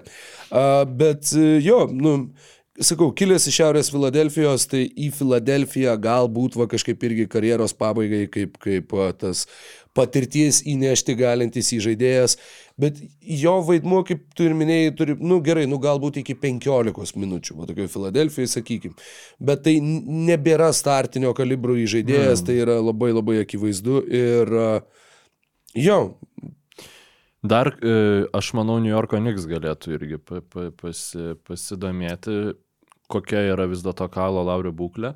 Ir šiaip Miamis tas pats yra puikus pavyzdys, kaip vienam kontenderiui niekam tikęs, nu, ne kontenderiui, bet vienai atkrintamųjų komandai netikęs krepšininkas su labai didelė patirtimi gali tapti reikšminga paspirtim tau atkrintamosiose. Tai yra Kevino Love situacija, mhm. kuomet na, buvo jokinga žiūrėti, kai Clevelando Cavaliers tiesiog negalėjo nieko padaryti. Nu, žiauriai pralaimėjo kovą po krepšiu e, dėl atkovotų kamolių patys atidavę Keviną Love e, šitam e, Miami Heat. Tai, tai toksai labai uh, sim, simboliška, gal sakyčiau, sąsaja kažkokia. Tai vad su Kailu Lauriu irgi tiesiog, kai žinai, žaidėjas yra tiek daug padaręs karjeroje. Dėl to nu, jie vis ir gauna tų daug antrųjų šansų. Tai kad jis bus išpirktas, aš nebejoju. Jo, Vauš iš karto buvo patvirtinęs, kad neturi jokių planų integruoti į, į be jokios abejonės. sudėti Šarlotę ir, ir suprantama, kodėl, nu, ta prasme, kam. Jo, bet to, e, beje, įdomi detalė, kad taip, e, visas ketverias rungtynės su Miami pralaimėjo Terry Rozie, keturi pralaimėjimai vidutiniškų 17,8 taško skirtumų, jie ne šiaip pralaimėjo, juos daužo visi iš eilės. Ir e, įdomi detalė yra ta, kad per tas ketverias rungtynės Terry Rozie su komanda neturėjo nei vienos treniruotės. Nei vienos. NBA Vėl, nu. NBA tempai, NBA reguliarus sezonas, ką tai reiškia, nu, vat, reiškia va tokias situacijas. O Šarlotė startinio žaidėjo pozicija, net nežinau, žiūriu ją starto, jų starto penketą ir, nu, turbūt Kodį Martiną reikėtų. Startinio atakuojančio gynėjo turiu menį. Jo, bet turiu omeny, e, Lamelo Bolas dabar irgi nežaidė Ai, pastarosiuose jų rungtynėse su New Yorko Knicksais. Tai jų starto penkete buvo Cody Martinas, Brandonas Milleris, e, Malsas Padugnė Bridgesas, PJ Washingtonas ir centras Nikas Richardsas. Tai Nu čia aš nežinau, labai sunku apsimest, kad įdomu, e, kas ten, sek, kaip ten seksis, žinai, tai Šarlotai, nu labai akivaizdu, kad dabar jie Tiesa, yra jo. tiesiog dar vieni Wizardsai. Taip, tai yra, e, žinai kas, e, Gordonas Haywardas yra vienas iš tų žaidėjų, kurie irgi yra kur, hmm, Nu, vat, galbūt kažkur atsidūręs kitoje aplinkoje, gal jis e, galėtų būti naudingesnis. E, Mačiau, atsimnu, besiruoždamas praeitai savaitę, vienas iš variantų buvo, kad tik tai nesumeluočiau, kuris Morisas ir kažkas tai dar iš Filadelfijos, kad galėtų būti išsiųsti, jie ten nelabai dalyvauja rotacijai. Morisas. Jo, Morisas 17,1 milijono, Covingtonas 11,7, juos du sudėjus. Heivardas 31. Tai. Nu tai va, jau juos du sudėjus, plus 110 procentų, nu faktiškai. Ten gal ten 100 ar 200 tūkstančių. Su, reikėtų- suderiname. Jo, suderiname. jo, tai vat, galbūt ten jisai galėtų atsiskleis būti naudingas, beje, Filadelfija, dabar tai pamačiau, kiek laisvų agentų kitais metais faktiškai visi. Tai čia buvo pagrindinis e, Dylan, Hardeno e, Jo, jo, jo. priežastis, kad Dylanas Mori e, norėjo Derilas laisvės, nori. Derelas Mori norėjo laisvės. Gordonas Haywardas tai laisvai kaip ir neprieštarautų, jo yra besibaigiantis kontraktas, tai jisai tikrai daug vertės neturi. Nu, tu gautum, jeigu tą Morisą ir Covingtoną jo, tai nebent dar kažkokių šaukimų, ten, nu bent jau tų geresnių antro rato šaukimų pirmos pusės, jeigu pirmo rato negautum, nes, nu, vėl nežino, kas tau duotų pirmo rato šaukimą už, už Haywardą. Šiaip praeitą savaitę, vakar klausiau labai 3 valandas įdėmiai praleidau, tai Dunkton Prime mock trade deadline'us, e, abi dalis. klasika. Ir ten pirm, pir, pirmas pusvalandis buvo praleistas bandant suderinti Spars ir Sixers mainus, kad uh, Sixers, Spa- Sixers ten išsiunčia, ką išsiunčia, o iš Sparsų gauna Darius Avezelį. Ir nu, per, per plauką, žodžiu, ne, nepavyko suderinti ir pagalvojau, va čia tikrai, tikrai būtų smagu tokio, tokio profilio krepšininkas. Tai mm, apie Haywardą kalbos nebuvo, bet e, žaidžia šį sezoną Gordonas, 25 rungtynės sužaidė. Tai dabar tik tai klausimas, kokia ta jo sveikatos būklė yra, bet šiaip... Šiuo e, metu jis yra traumuotas uh, Kelf, tai yra šlau, Čia man atrodo, man atrodo, kad... Jo, jo, blauzda. Tais Kevs, jo, teisingai, blauzdos mm. rūmų. Uh, 25 sužaistos rungtynės, Šarlotė sužaidė Kem 5. Nu tai 20 praleidęs maždaug apie pusę sezono. Nu Jo, vėl, čia tokia- šiaip yra vet, veteranas, kuris... Kurį šiaip žiauriai norėtųsi pamatyti atkrintamosiose. Jo, nes jis jau nesvarbu- trejus metus sėdi toj Šarlotėje, nu, nu, nu, apie nieką. Apie nieką jo, bet e, taip kažkaip ir ta jo karjera nu, realiai nuo tos traumos Bostone, taip jisai ir dingo iš NBA žemėlapio, nors žaidė normaliai dabar. Nu, Bostone buvo. Nu, jisai buvo Bostone, bet tu atsimeni kažką jo Bostone, nu buvo burbu, burbulo, tie, tos atkrintamosios, man atrodo, jis ten žaidė. Bet aš tam kažkokių tokių ypatingų momentų apie Haywardą nu, niekaip neatsimenu, tai tiesiog, vad kažkur, žinai, nueiti komandą, kur gal tu turėtum viener, viener, vienerias rungtynes per, per atkrintamasias, kur tu parodytum savo, nu vis dėlto jis buvo labai aukšto lygio krepšininkas. Juto jis buvo puikus. Jo, ir jisai turi tokių įdomių, nu tai įdomų talentą. Iš Indianos, galbūt Paceriai galėtų jį pasiimti, žinai, tiesiog, vat, jeigu jam gerai Nu, Čia sektų. tiesiog pa, pa, pamatė gimimo vietą. Nu, tai, aišku, kad pamačiau, nu, tai kaip aš basketball, basketball reference atsidaręs, kaip aš ne, nepamatysiu. Tai, tai va, bet uh, labai įdomi ta situacija yra rytuose, Bostonas užtikrintai laimi, manau, ir laimės šį reguliarų sezoną, jeigu ten kokios traumos ne, ne, nekrės, bet pavyzdžiui, Miami's, nu, kiek sakai, dabar jau septynės iš eilės pralaimėjo, ne septynerios rungtynės. Tai jie dabar yra septinti, nu, šeštoje vietoje Paceriai 27-21, su ten siekamu kol kas dar tas žaidimas nesiklijuoja, bet dėl to, kad Halliburtonas nėra šimtaprocentinis, ten tai žaidžia, tai nežaidžia. Tai ten Filadelfija 29-17, Cavaliers grįžta, Garlandas dabar berots šią naktį arba, arba rytoj, dar tiksliai nepasakysiu, 28-16, tai irgi komanda, apie kurią niekas nešneka, bet e, su realiai visiškai sveika, sveika nebuvus, ten tai Mobley, tai Garlandas, visi ten traumuojasi, bet visiems yeah. važiuoja taip pat kaip pernai metais. Tai įdomu, ten niekas dar nėra prarasta Miami šį sezoną. E, Manau, teisingi mainai, bet e, įdomu, ar dar kažką jie gali padaryti. Numatysim, jeigu ką, jie ir iš, iš įkrintamųjų gali nukeliauti iki NBA finalo, kaip galėjom įsitikinti ką tik, bet, e, Įmanoma, taip. bet jo, tas... tas Karnišovas e, aprūvina šitą, šitą mintį ir Dabar mes neduosiu. Karuso niekam, neduosiu Darauzaną niekam, bus Grinčas.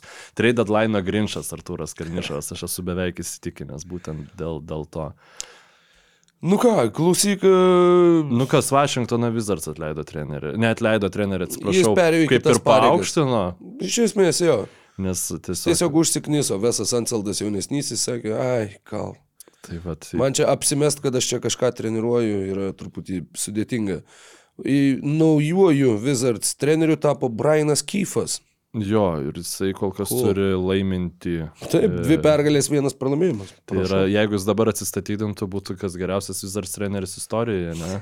Pagal pergalių pralaimėjimo santykių. Šiaip Vesas Ansaldas jaunesnysis iš tiesų palieka Vašingtono, ne, Vašingtono trenerio postą su aukštesniu pergalių pralaimėjimų procentu, tai yra 37,2, negu jo tėvas, kuris buvo kaip žaidėjas e, e, Bulletsų ir tada 36,9 procento rungtynių laimėjo būtent treniruodamas komandą. Tai, tai tiesiog atsistatydino, kad galėtų pasakyti, aš sunus praugau tėvą ir viskas.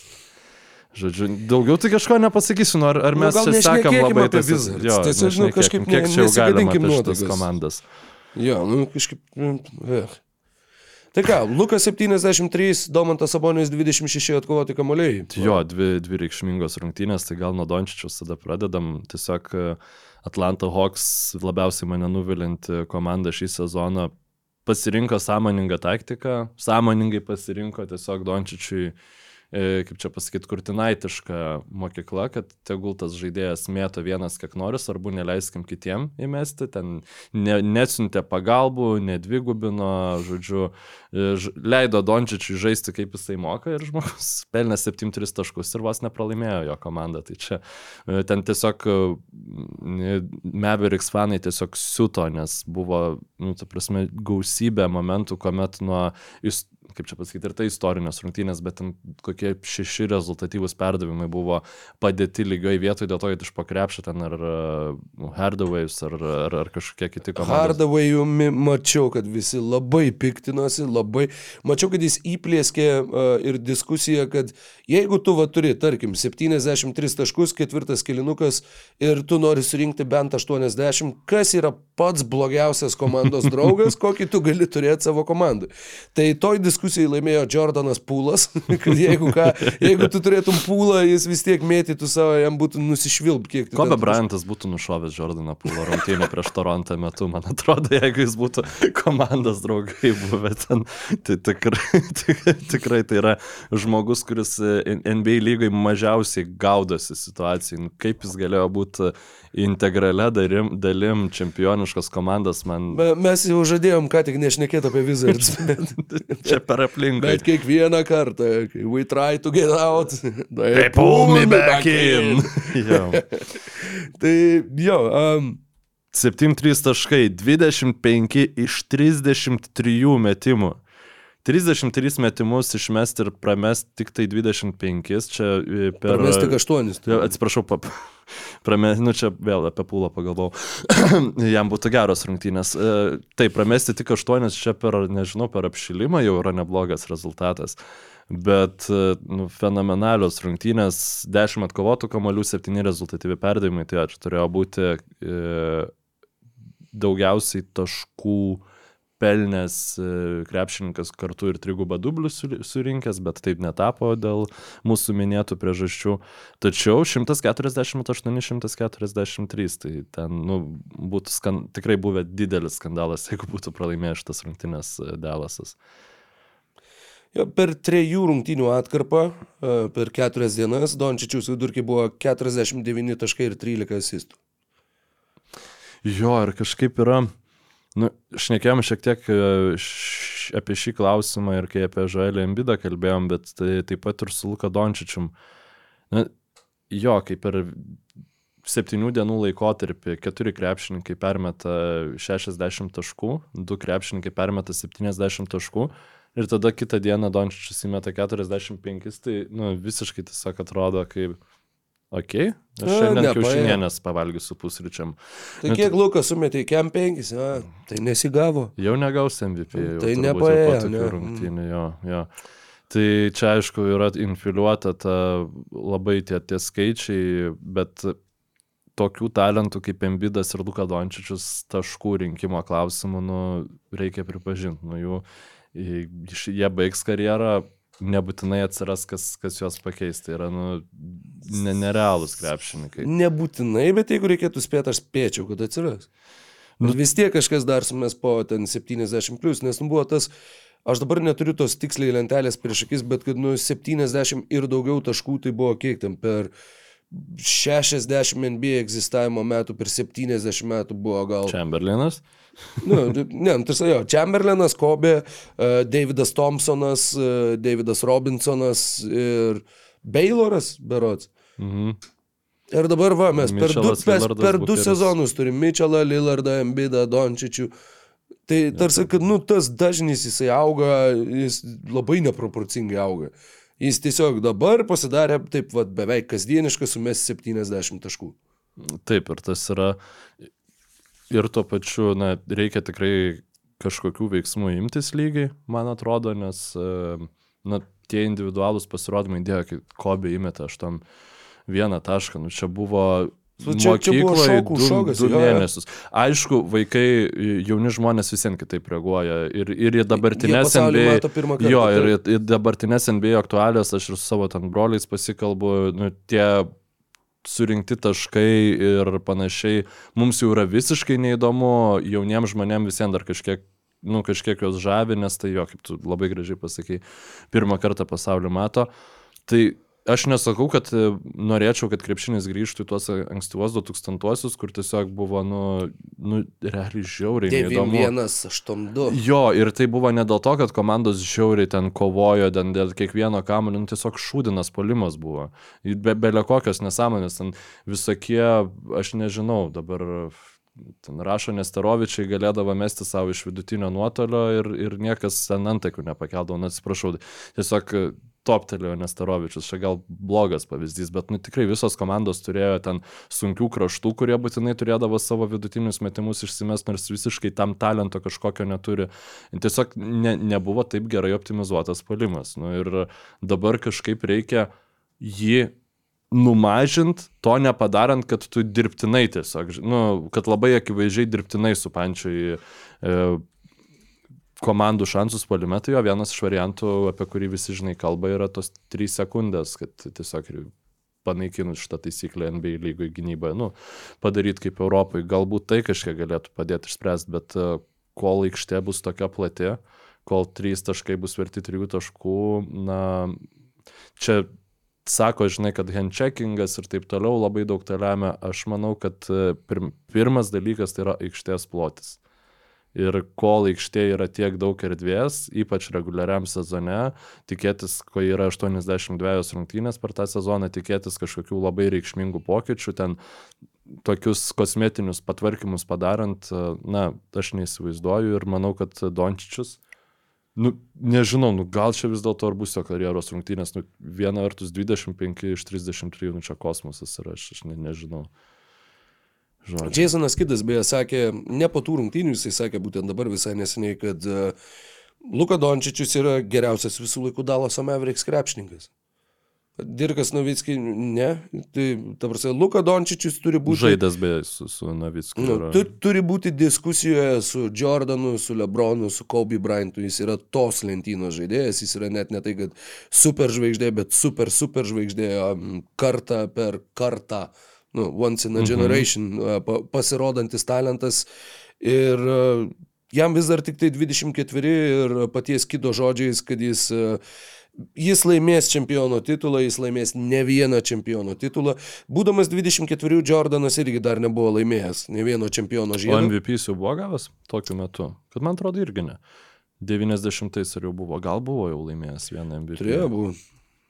Tiksliau, ne, ne, ne 90-ais, kada keliarių jis NBA atėjo. Jis yra gimęs, aš, oi, 80, 63 metais, 87 jam buvo 24, tai 86-7 sezone jis metė po 37 taškus. Ar jisai gavo MVP tais metais, aš tau toj pasakysiu. Awards. E, 87-8 metų MVP jisai jau buvo. Most Valuable Players kliausteliuose dabar jau rašo Michael Jordan trofį. Tai 87-8 Michaelas Jordanas iškovojo Michaelo Jordano vardo trofėjų ir 87-8 jam buvo nu, 24 ir truputėlį daugiau. Palauk. Vasario 17 gimęs, nu tai 88, vasario 17 jau buvo 25 ir jisai tada atsiemė MVP apdovanojimą. Na, To sezono pabaigoje. Kažkaip įdomu, ar Dončičius turi šansų šį sezoną iškovoti tą MVP titulą, nes to tikrai reikia, nu, jeigu mes kalbam jau apie... Jo, ir šiam sezone būtent jam reikėtų tą padaryti, nes jisai irgi gimęs vasarį, bet tiesa vasario 28, tai jam šiais metais, va, už mėnesio realiai sueina 25. Jeigu tu eini grinai Jordano, va, pėda į pėdą, tai šių metų pabaigoje tu turi atsimti MVP apdovanojimą. Bet nu, į- įdomu, ar ir tiesiog reikia geresnio komandos rezultato, ar jį, Faktas. ar jį pavyks pasiekti. Nu, gali šiaip dar Delasas dėti raną, kad, kad žinai, bet kažkaip labai, nu čia būtų kosminis apsisukimas komandos sezono. Tada 2024 ir 3 metai, čia viens sausiai ir vasariai. 70, 71, 71, 73. Jo, bet sausis yra įdomus mėnesis šitų klausimų tikrai. Sau, tiksliau, sausis ir vasaris. Žiemą, žodžiu. Pasiekia gal pikinę formą e, sportinę žaidėjai ir pasiekia pikinę formą nesistengimą gynyboje komandos. Galbūt čia tokia tobula formulė. Koks mažiausias, turiu to klausimą, koks mažiausias turi būti pelnytų taškų skaičius, e, kad e, nesifotkintų su šitais lapais žaidėjai? Mažiausias? A, Ar šia, su šiam devyniais fotkintus, ar jau nebe? Su šiam devyniais, manau, tikrai. Tikrai fotkintus. Šiam aštuoniui Tikrai. tada reiškia. Šiam aštuoni ne, jo, tai vadinasi, šiam aštuoni yra ta riba, kur. Nu, bet žinai, 50, atsimenu, kai Damaras Darausnas fotkino su 50. O taip, ir Jonas Valančiūnas buvo šalia. Ir, ir ten viskas buvo Nebuvo labai juokinga, verta ir nieko, atrodė, jo. jo, nu visiškai nebuvo bairis. Klubo rekordas, va, pavyzdžiui, yra irgi yra, nu, vis tiek pasiekimas. Juo labiau, jeigu tu visą karjerą žaidėjai toj komandai ir va dabar tu pasiekiai klubo rekordą ten, kad ir su, nežinau, kieno dabar mažiausias, kažin, klubo rekordas. Geras klausimas, beje. Jo, čia labai protmušia geras klausimas būtų. Um, dar, nu jo, jeigu koks ten Vizenkovas, pavyzdžiui, sumestų 40, aš manau, jam irgi atneštų Sabonis lapą. Žinai, Nu, užrašyta čia ir nuo aplinkybių labai priklauso, bet kalbant apie super žvaigždės lygai, kur, nu, ta prasme, ne, ne tokius proginius, žinai, kažkokius krepšininkus, jo, šiaip Derauzaną dabar priminiai, buvo visa, o pa, nėra, kad pats Valančiūnas buvo su lapu nusifotkinęs po kažkokių rungtynių. Gal. Ar ten buvo grinai, kad jis prineša tą Derauzanui lapą? Nu, nes, nesvarbu, žodžiu. Ehm, gerai. Tai gal tiek apie Dončičių, aš ne, nežinau. Manau, kad taip. daugiau- Tai dar apie, apie 26 atkovotus kamuolius, ką galėtų mums papasakoti Mykolai, mums jau tikrai keliaujant prie pačios epizodo pabaigos. Kas apie 26 atkovotus kamolius, tai Domantas Sabonis pagerino karjeros rekordą, kurį buvo pasiekęs Sacramento Kings, tapo pirmuoju, antruoju Sacramento Kings krepšininkų istorijoje atkovojusi 25 plus kamolius rungtynėse, prieš tai Krisas Weberis 26 buvo atkovojęs 2001 metais, um, kai Kingsai žaidė kitur, Jerry Lukasas buvo ten tų kamolių pririnkęs, žodžiu, bet, nu, jeigu bendrai kalbant apie franšizės, tos e, rekordus atkovotų kamolių, Bet e, nu, vis, viskas yra niuansuose. Jis tai padarė prieš Memphis Grizzlies komandą, kuri nebeturi siaubo baubo Bismako Bijombo, e, Domanto Sabonio. Ir jie ten iš vis tų žaidėjų, nu šiaip jeigu yra jo navos Sibet atitikmuo NBA lygui, tai šiuo metu yra Memphis Gri- Grizzlies. Ir ten neteko matyti tokių nepatenkintų Sakramento fanų po pergalės, kai ten jiegi turėjo tokią nesėkmingą seriją pakankamai ir dabar buvo antra pergalė iš eilės ir ten visi buvo persitę. Ir Domantas Sabonis, Domantas Sabonis po rungtynių, jo klausė, Nu, karjeros rekordas, kaip tau čia pavyko? Nu, man labai padėjo komandos draugai, jie prametė labai daug metimų. Ta prasme, Domantas Sabonis, tai čia irgi, jeigu įvyks kažkokia revoliucija Sacramento Kings Rubinė ir paaiškės, kad ten dideli konfliktai vyko, tai čia yra data, kada reikia e, žiūrėti tos konflikto ištakas. Kažkada buvai išpranašavęs, tiksliau pranašavęs kažką panašaus, tik nepamenu. Situacijos šiaip Sabonis iš 11 metimų 10 tose rungtynėse. Dar įdomi detalė, kad 10 baudų metė Sacramento Kings prieš Memphis Grizzlies 10 baudų metė Deronas Foxas, 6 iš 10 pataikė. Nei vienas e, Kings krepšininkas nemetė nei vienos baudos tose rungtynėse. Wow. Dabar perskaitysiu Memphis Grizzlies sudėtį. Jarenas Jacksonas jaunesnysis, Santi Aldama, Savieras Tilmanas, e, Raudy, nežinau vardą. J, J, J, Iš, iš D raidės, tai dabar vos ne Dylanas gal. Tada Scotty Pipanas jaunesnysis, e, M. Hart, e, čia jau atsarginiai G.J. Jackson ir J. Gilliard, vėl vardą tikrai neatsimenu, Jason Berots Gilliard. Tai um, tie- tiesiog net uh, žmogus, kuris atėjo vietoj Bismako bijombos, tai, bijombo, tai yra Vinsas Williamsas jaunesnysis, kuris atrodo kaip visiškas atradimas, jisai irgi nežaidė. Žodžiu, absoliučiai covidinės stadi stadijos komanda, žodžiu, covidinius laikus pri primenanti ir ten iki pat paskutinių minučių nebuvo aišku, kas laimės tas rungtynes. Kings 103-94 laimėjo, Kingsuose žaidė, nu, iš esmės beveik visi. Ir tikrai, va, Malikas Monkas, pavyzdžiui, leido savo tris taškus tik tai mes, nu, tokiuose rungtynėse. Tai, tai labai tikrai daug nuviliančių pasirodymų buvo ir smagu, kad, e, nu, ne po pralaimėjimo tas karjeros rekordas buvo Sabonio. Nors jis polime šešis kamolius tik tai atkovojo, tai čia biški tas komentaras gal truputį ne Tai vienas. jau jo. Tai klausyk, yra trys NBA klubai, užbaigiant mūsų epizodą, kurių karjeros, e, ta prasme, žaidėjo karjeros rekordas yra 52 taškai. Čia yra žemiausias. Ta prasme, nu, vat yra trys klubai, kurių yra žemiausias, mhm. visų kitų yra ten PM7, labai daug kino beje yra PM7 for some reason. Bet 52 yra vat e, ta, ta riba. Uh, nori, nori pagalbų? Jo, jo, pagalbų noriu. Toronto Raptors. E, taip, tu visiškai teisus. E, Nežinau tik tai kas. e, Damaras Darozanas. DeRozanas. 52 ir buvo tos rungtynės su, su, ta, e, su tuo laikomu Gerai, daiktu. Atsiprašau, atsiprašau. Toronto Raptors nuo e, straipsnio, kurį perskaičiau, pakeitė, ta prasme, nes straipsnis buvo išleistas seniau, 54, 221 vasario 2 į Orlando Magic krepšį sumetė Fredas Van Vlytas. Tiksliai. Fredui Van Vlytui priklauso rekordas 54 taškai, vadinasi, yra du klubai, kurių yra tik tai 52. Tai tada jau reikia pagalbų. Sakydamas Raptors, tu iš dalies buvai teisus vienu atžvilgiu. Tai yra Grizzlies. Būtent, tai yra komanda, kuri irgi atsirado tik tai 95 metais. Džamorantas 222 vasario 28 sumetė 52 į San Antonijaus Spurs komandos krepšį. Ir Nu, tada kita irgi turėtų būti kokia jauna komanda. Ne, komanda, kuri yra tikrai sena, po 52 taškus jiems žaidėjai sumetė 7-4 ir 7-6. Ta padarė, mm, ta gal- padarė Bobas McAdoo ir 90-ais tą Clippers? padarė Charlesas Smithas, tu visiškai Būčiau teisus. spėjęs ir be mekadų, kad... Nu, va, Clippers, matai. Bet uh, dabar jau čia tiesiog... Tada gavosi. dar e, vadinosi, kai McAdoo žaidė Buffalo Braves.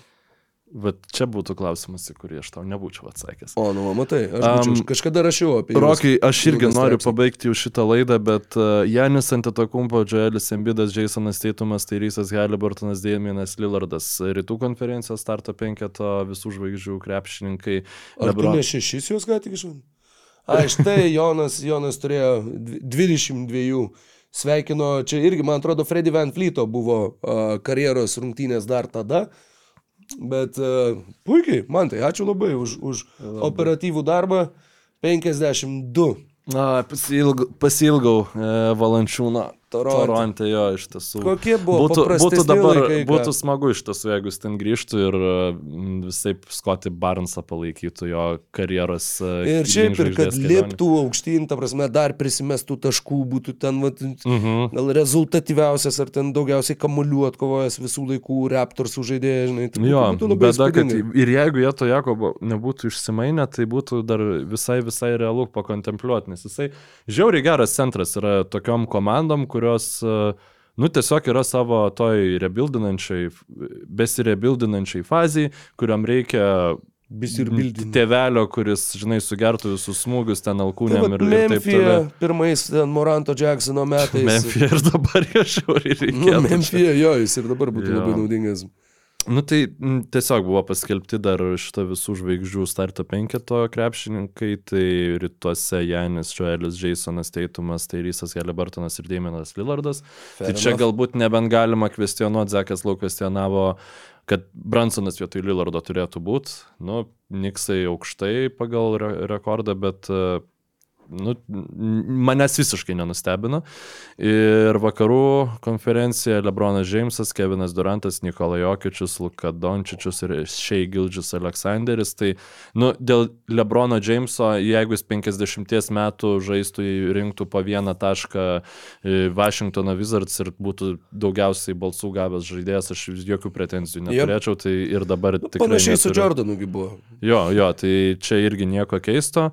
Um, jeigu klausotės tinklalaidės ketvirtadienį ryte, jau žinot, ar Sabonis papuolė ar nepapuolė į visų žvaigždžių rungtynės, mums kadangi ne šitas klausimas, bet bendrai visų žvaigždžių savaitgalis yra visiškai giliai nu, nusis, nusi, nusišvilpt, jeigu taip cenzūriškai pasakius, kad, nedemoti, de, kad nedemonetizuotų mūsų. Tai mes kažkaip Mes bandėm labiau į savo tą grafiką žiūrėjom. Bet e, aišku, aš tai norėčiau, kad Sabonis gal iš inercijos į tas e, visų žvaigždžių rungtynės papultų.